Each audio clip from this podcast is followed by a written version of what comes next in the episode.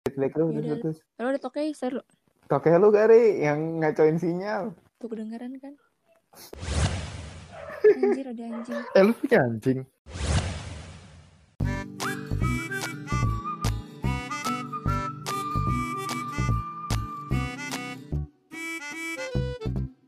Hai sahabat, selamat datang di kelas sebentar podcast. By the way, podcast ini podcast pertama kami loh. Semoga acara yang kami buat ini dapat menambah wawasan kita semua ya. Hope you like it and enjoy.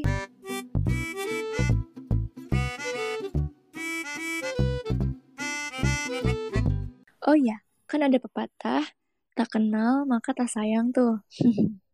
Maka dari itu, perkenalkan, nama gue Feren Trivena, biasa dipanggil Feren. Dan tentunya pada podcast kali ini gue nggak sendirian. Gue ditemenin sama temen gue. Kenalin gue Laura Sandy Sitopu. Biasa teman-teman gue manggil gue Tius. Selamat datang ya di podcast kita. Yo, halo guys. Kami mahasiswa Universitas Negeri Jakarta, jurusan Teknologi Pendidikan tahun 2017. Oke, salam kenal guys. Nah, kali ini kami akan berdiskusi mengenai salah satu pembelajaran elektronik atau yang biasa kita sebut sebagai e-learning. Ya, mungkin teman-teman sekarang udah mulai tahu nih e-learning itu apa, karena sekarang kan harus social distancing nih. Nah, pembahasan kita mengenai kali ini mengenai Moodle. Feren sendiri tahu nggak Moodle itu apa? Nah, sebelum masuk pembahasan kita mengenai Moodle nih, Yus, gue pengen bahas sedikit dulu mengenai e-learning. Istilahnya kayak pembukaan lah ya, gitu. Nah, konsep yang sangat mendasar dari e-learning nih adalah proses pembelajaran antara pendidik dan peserta didik yang terpisah baik dari segi tempat maupun waktu. Nah, dalam menggunakan model e-learning ini nih, Yus, tentunya pasti sangat membantu untuk proses pembelajaran, terutama dalam menghemat waktu tatap muka dan kemudahan akses yang bersifat global. Apalagi kita sekarang lagi ngejalanin desain learning kayak gini kan, Yus? Bener gak tuh? Iya, betul banget tuh, Fer. Nah, masuk ke Moodle nih, Yus. Moodle itu kan sebagai salah satu platform e-learning. Yang tadi udah gue singgung dikit tentang e-learning tuh. Iya. Moodle ini singkatan dari Modular Object Oriented Dynamic Learning Environment. Yang dimaksud dengan Moodle itu adalah paket perangkat yang diproduksi untuk kegiatan berbasis internet dan situs web. Moodle ini merupakan salah satu aplikasi dari konsep dan mekanisme belajar mengajar yang memanfaatkan teknologi informasi yang kita kenal sebagai sebutan e-learning. Nah, selain itu juga Moodle bisa digunakan oleh siapa saja secara open search. Moodle dapat diinstal di komputer, HP, ataupun sistem operasi lainnya nih, Us. Nah, ngomong-ngomong tentang Moodle itu sendiri, lo pernah nggak nih menggunakan Moodle buat proses pembelajaran? Kalau buat proses pembelajaran sendiri kayaknya belum pernah deh, tapi kalau ya? yang serupa kayaknya pernah waktu itu untuk ujian mata kuliah. Lu Ingat nggak, Fer? Oh iya, Yus. Gue inget tuh. Kayaknya sistemnya juga mirip-mirip sama Moodle gitu, ya nggak Bisa sih? jadi, yang gua rasa sih hampir mirip. Oh, betul-betul deh. Oke, next lanjut, Oh iya. Fer, gue mau nambahin sedikit nih. Gue udah ngulik-ngulik dikit di Google soal Moodle. Lo mau tahu nggak? Boleh, boleh. Nah, Apa jadi? Moodle ini diciptakan oleh Martin Dougimas. Nah, waktu itu ia sedang mengenyam pendidikan pasca sarjana di Corten University of Technology di Aussie. Pada tahun 2002, dia dinobatkan sebagai seorang webmaster bagi universitasnya. Sekaligus diangkat menjadi administrator sistem bagi instalasi pembelajaran jarak jauh. Kemudian si Martin ini nih mengembangkan platform Moodle ini demi menyelesaikan beberapa masalah terkait pembelajaran jarak jauh kayak tugas, ngumpulin tugas, ngasih pengumuman, bikin PPT, semuanya kan bisa dikasih PDF, kalau nggak ngasih pengumuman lain-lain gitu. Oh, gitu ya, ya sejarah dari Moodle. Berarti tahun 2002 mulai dikembangkan, Iya. bener gak sih? Betul. Oh, berarti sampai saat ini Moodle terus berkembang pesat ya, Yus? Dan dapat membangun sistem dengan konsep e-learning ataupun desain learning yang tentunya dapat menunjang proses pembelajaran gitu. Nah, betul banget tuh Fir yang lo bilang. Nah, dari pemaparan yang kita sebutin ini, kira-kira ada nggak ya karakteristik model itu sendiri menurut lo? Ngomong-ngomong tentang karakteristik, tentunya pasti ada dong, Yus. Nah, gue tahu nih beberapa karakteristik dari Moodle. Oke, dengerin ya. Nih, yang pertama, Moodle itu berorientasi pada proses belajar menggunakan virtual classroom atau yang kita tahu lah ya, yaitu kelas maya, yang di mana menghubungkan peserta didik dengan guru lewat daring online. Nah, yang kedua nih, materi pembelajaran dalam Moodle dapat diakses di mana saja dan kapan saja. Gimana? Enak gak menurut? Enak sih, jadi kita bisa belajar di mana aja, kapan aja, suka-suka kita jadinya. Gampang banget. Kan? Selain itu juga yang ketiga nih, Moodle itu memiliki hak akses pada guru terhadap course yang diajarkannya. Dan yang keempat, tentunya seluruh mahasiswa memiliki akses terhadap course yang telah di-enroll. Selain itu juga Yus, authenticated user telah teridentifikasi. Nah, gimana nih Yus menurut lu? Paham? Wah, setuju banget Fer sama pendapat lu yang tadi lu sampaikan. Gue mau nambahin sedikit nih Fer, boleh nggak? Boleh banget Yus, apa tuh kira-kira? Oke lah kalau gitu menurut pemahaman gue nih, selain yang udah lu sebutin tentang karakteristik model tadi, materi pembelajaran yang ingin guru sampaikan kepada peserta didiknya bisa dilakukan dengan beberapa cara. Yang pertama tuh ada bisa ngasih tugas, terus bisa ngasih pesan doang. Misalnya kalau pesan tuh kayak, e, nak, misalnya, jadi kita bisa ngelakukan secara personal. Jadi guru tuh bisa melakukan secara personal gitu. Iya, kayak gitu. Jadi cuma ke satu orang gitu. Nah, bisa bertiga forum jadi guru bisa memantau tim-tim mana nih yang aktif diskusi sama yang nggak aktif diskusi. Nah ketahuan nih buat teman-teman yang mager, hati-hati. Awas nih. Nah yang keempat nih ada kuis. Jadi kuis tuh bisa pakai kayak cepet-cepetan waktu gitu jadi kayak games gitu.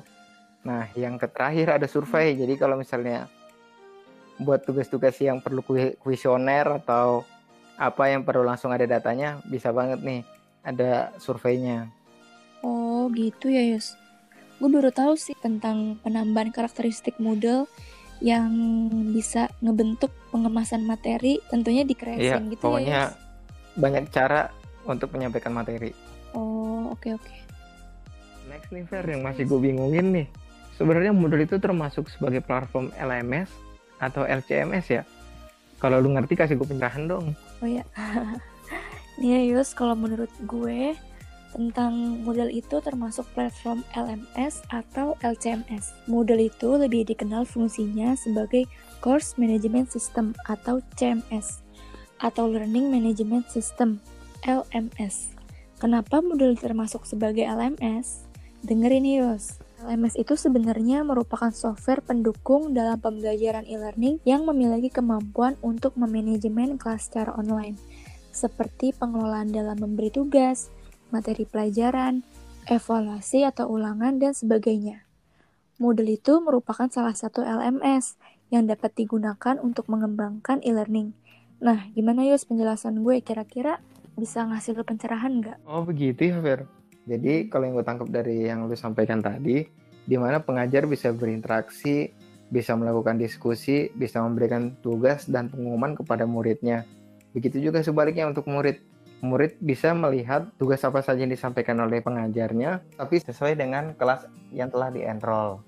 Itu aja Yus. sih, Fer, yang gue tangkap. Bener nggak kira-kira? Itu udah bener, Yus. Gue setuju banget sama pendapat lo.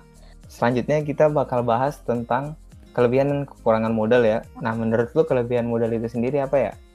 Oke Yus, menurut gue nih ya, modal itu pasti banyak banget nih kelebihannya.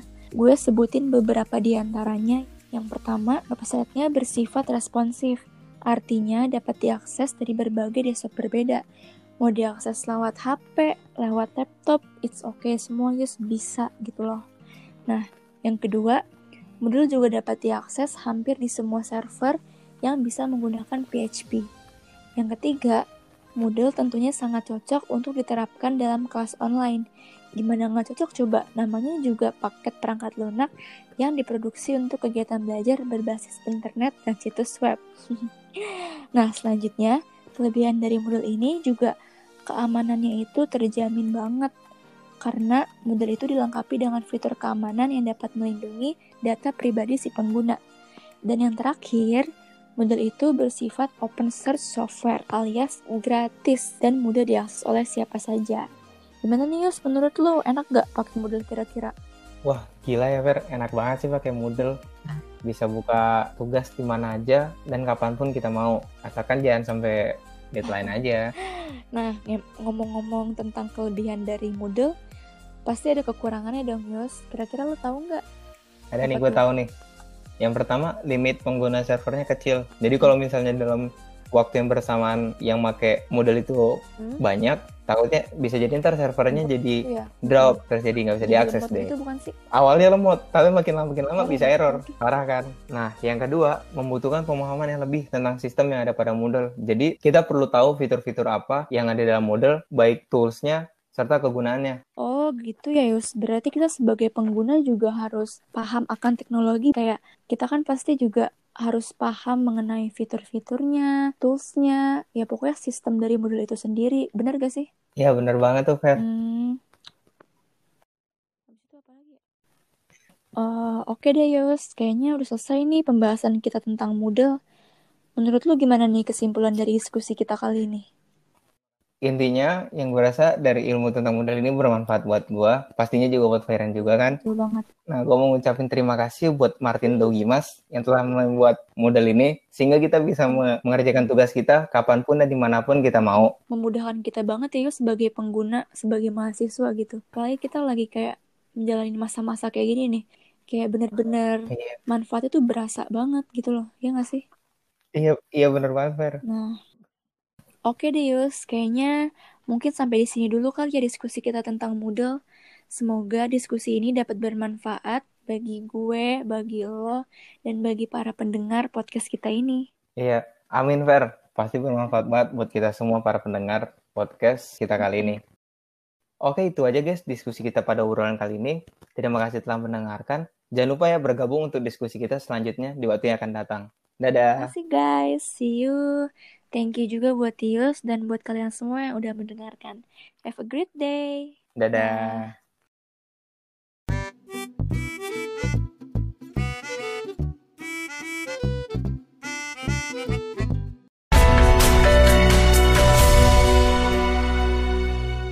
Tim 4 Pengembangan Media Audio Teknologi Pendidikan B 2017 Universitas Negeri Jakarta mempersembahkan program audio edukatif EduDio. Halo audiers, jumpa lagi bersama Kirana dalam program EduDio. By the way, kalian tahu gak sih kalau penduduk kota Jakarta dan sekitarnya akhir-akhir ini tengah bergembira dengan kehadiran moda transportasi umum baru, yaitu MRT.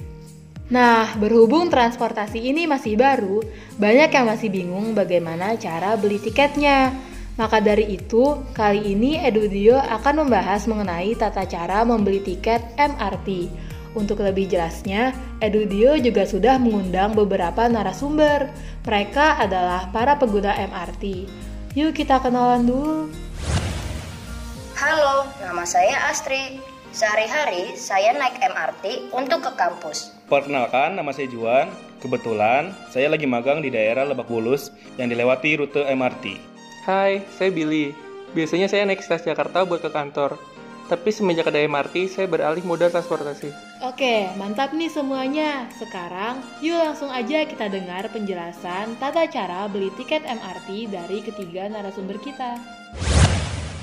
Halo audiers, jadi tiket MRT itu terbagi menjadi tiga jenis loh. Wah, apa aja tuh? Ada tiket single trip, multi trip, dan bisa juga pakai uang elektronik. Nah, bener banget. Tiket single trip ini merupakan tiket yang berlaku hanya untuk satu kali perjalanan. Berbeda dengan tiket multi trip yang dapat digunakan untuk beberapa perjalanan sekaligus. Sedangkan kalau uang elektronik menggunakan kartu yang biasa kita pakai untuk naik Transjakarta atau KRL.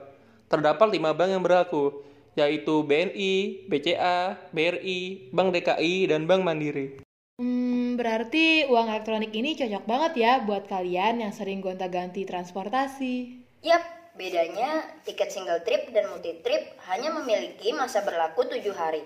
Akan tetapi, tiket yang sudah tidak dipakai bisa di-refund setelah sampai di stasiun tujuan sebesar 15.000. Berarti buat kalian yang nggak terlalu sering menggunakan MRT bisa pakai kartu single trip atau multi trip ini ya.